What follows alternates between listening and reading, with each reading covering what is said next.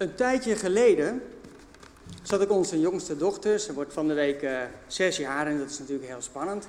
Maar ik zat haar een tijdje geleden wat uh, te plagen. Misschien niet zo aardig. Uh, maar zij had namelijk opeens bedacht dat ze eigenlijk wel anders zou willen heten. Goed, zei ik tegen haar. Dan noem ik jou voortaan anders. En je kon aan haar ogen zien dat ze, dat ze nieuwsgierig was wat er ging gebeuren. Welke naam zal ik nu gaan krijgen? En dus vroeg ik haar: Zeg, anders, wat zullen we nu eens gaan doen? Nou, dat was niet de bedoeling natuurlijk. En toen eindelijk het kwartje viel, riep ze: Nee, pap, ik wil niet anders heten. Ik wil anders heten. Ja, anders. Dat is, dat is goed. Maar wat wil je nou?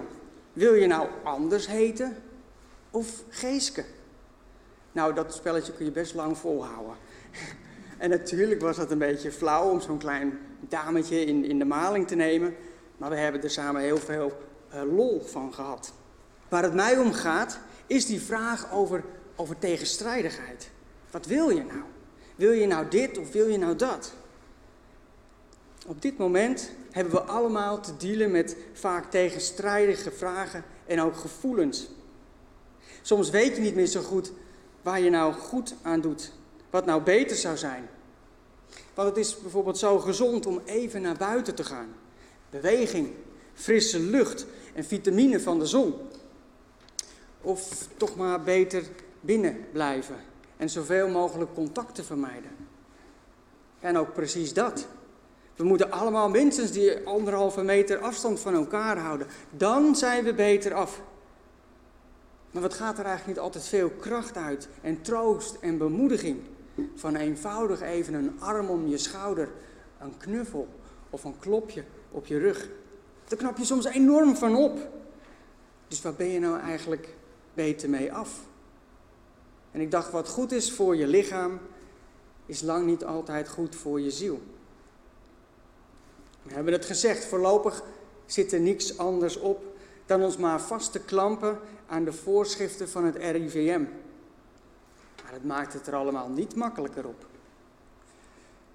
Maar wat in ieder geval wel goed is voor de ziel, is onze troost en kracht en bemoediging zoeken in het geloof in onze God. Om zoals Psalm 121 het zegt, op te zien naar de bergen om omhoog te kijken en de vraag naar waar onze hulp vandaan komt te beantwoorden met mijn hulp komt van de Heer, die de hemel en de aarde gemaakt heeft. Het was vanaf zo'n berg dat Jezus de bergreden sprak, waar we net een gedeelte uit gelezen hebben.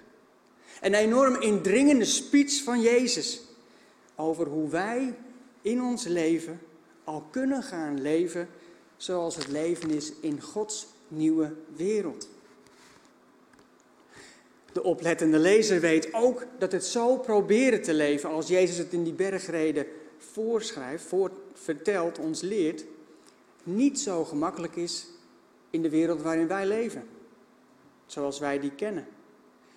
En wat het dan ook niet makkelijker maakt, is als je ontdekt in die bergreden dat er ook wel een soort tegenstrijdigheid aanwezig lijkt te zijn. Pas geleden nog hebben we hier op zondag gelezen uit Matthäus 5, het, het eerste deel van de bergreden. En daarin zegt Jezus onder andere, jullie zijn het licht in de wereld. En ik heb daar toen over gezegd dat het dus niet iets is wat we als volgelingen van Jezus ooit eens zullen gaan worden, maar dat we dat dus al zijn. Als kinderen van God zijn we het licht in de wereld. En het is de bedoeling dat we dat zijn dan ook laten zien. Dat we als een soort vuurtoren het licht dat volgeling van Jezus zijn laten rondschijnen, zodat iedereen om ons heen dat kan zien.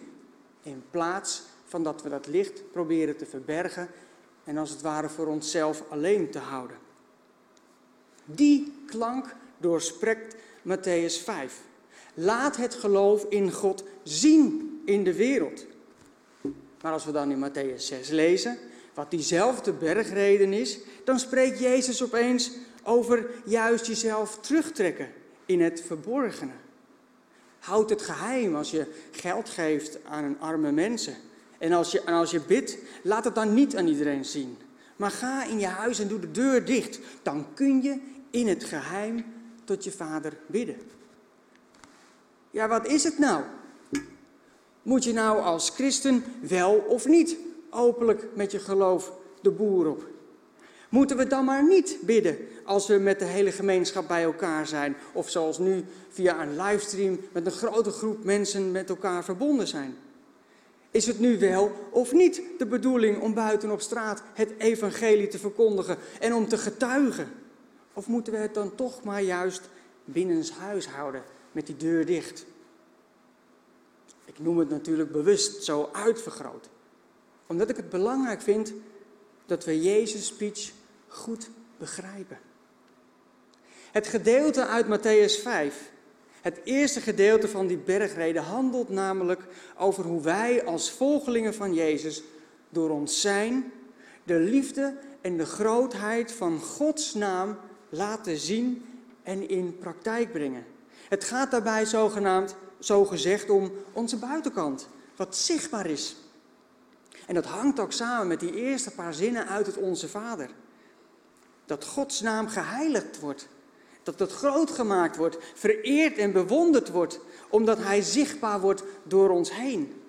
En dat Zijn wil gedaan zal worden door ons, maar als gevolg daarvan ook door anderen. En dat zo het koninkrijk van God, die nieuwe wereld, zich nu en hier al gaat vormen, ja gaat komen. Matthäus 6 tweede gedeelte van de bergreden verlegt echter de klemtoon naar onze binnenkant. Het bepaalt ons bij de redenen waarom we bidden, waarom we goede werken doen of waarom we barmhartigheid tonen. Het heeft de klank van een waarschuwing. Wees op je hoede dat je dat niet doet om zelf gezien te worden. Wees op je hoede dat je er niet zelf om geprezen wordt. Zorg ervoor dat je er zelf geen eer aan ontleent. Want leven met Jezus is een voorrecht en geen verdienste. Het leven is ons gegeven door God de Vader. Hij is het waar onze hulp vandaan komt. Hij is het waar wij van afhankelijk zijn.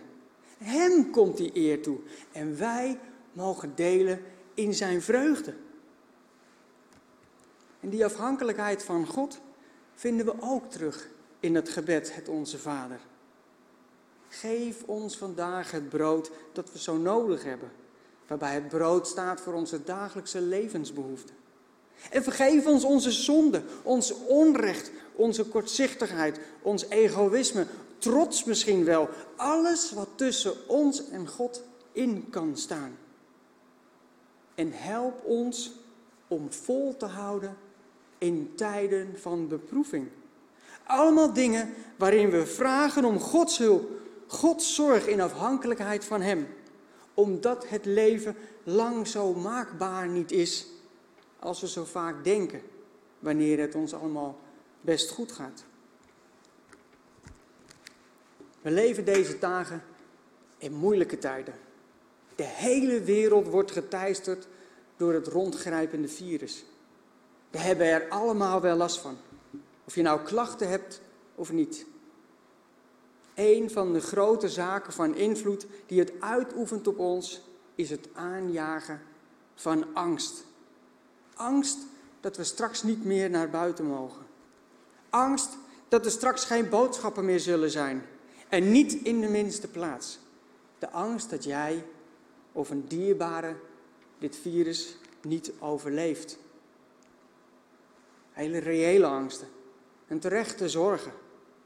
Het leven is helemaal niet zo maakbaar. En we mogen dit ook gerust zien, als dat we hierdoor beproefd worden op ons geloof. Uiteindelijk zijn we immers afhankelijk van God. En dan zegt Jezus in Matthäus 6, vers 8: Jullie vader weet wat jullie nodig hebben. Nog voor jullie het hem vragen. Bid daarom als volgt. En dan leert hij ons het onze Vader. We worstelen zo vaak met bidden. Want hoort God het wel? Haalt het wel wat uit?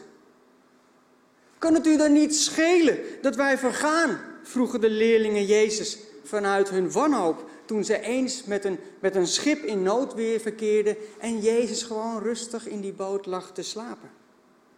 Dat was ook een beproeving van geloof. Maar Jezus verzekert ons en laat het voor ons allen ook een bemoediging zijn. We hoeven niet God te bidden om Hem te laten weten wat Hij nog niet zou weten. Of om Hem te vertellen wat we graag van Hem willen. We hoeven Hem niet te bidden om Hem voor onze zaak te winnen. Hij is almachtig en Hij heeft het goede met ons voor, omdat Hij onze Vader is. Hij weet al lang wat wij nodig hebben. Maar juist omdat Hij almachtig is, juist omdat Hij onze Vader is, moeten we niet zwijgen, maar bidden. Bidden is door God aan ons gegeven. Om God, die in het verborgene is, te mogen ontmoeten. Om, om ons hart bij Hem uit te kunnen storten. Om nieuwe kracht op te doen. Om moed te putten. Om vol te houden. En ook om anderen te kunnen dragen, zowel in voor- als in tegenspoed. En ik sluit daarom af met deze woorden uit Filippenzen 4, die ons ook oproepen om te bidden. Laat iedereen merken dat jullie vriendelijk zijn. En bedenk goed, de Heer is dicht bij ons. Maak je geen zorgen, maar vraag God alles wat je nodig hebt. Bid tot God, wat er ook gebeurt. En dank Hem altijd. Dan zal de God zijn vrede aan jullie geven. Dat is een vrede die geen mens ooit gekend heeft. Die vrede zal jullie gevoel en jullie verstand beschermen tegen al het kwaad. Want jullie horen bij Jezus Christus. Er is niets beters voor de ziel dan dat. Amen.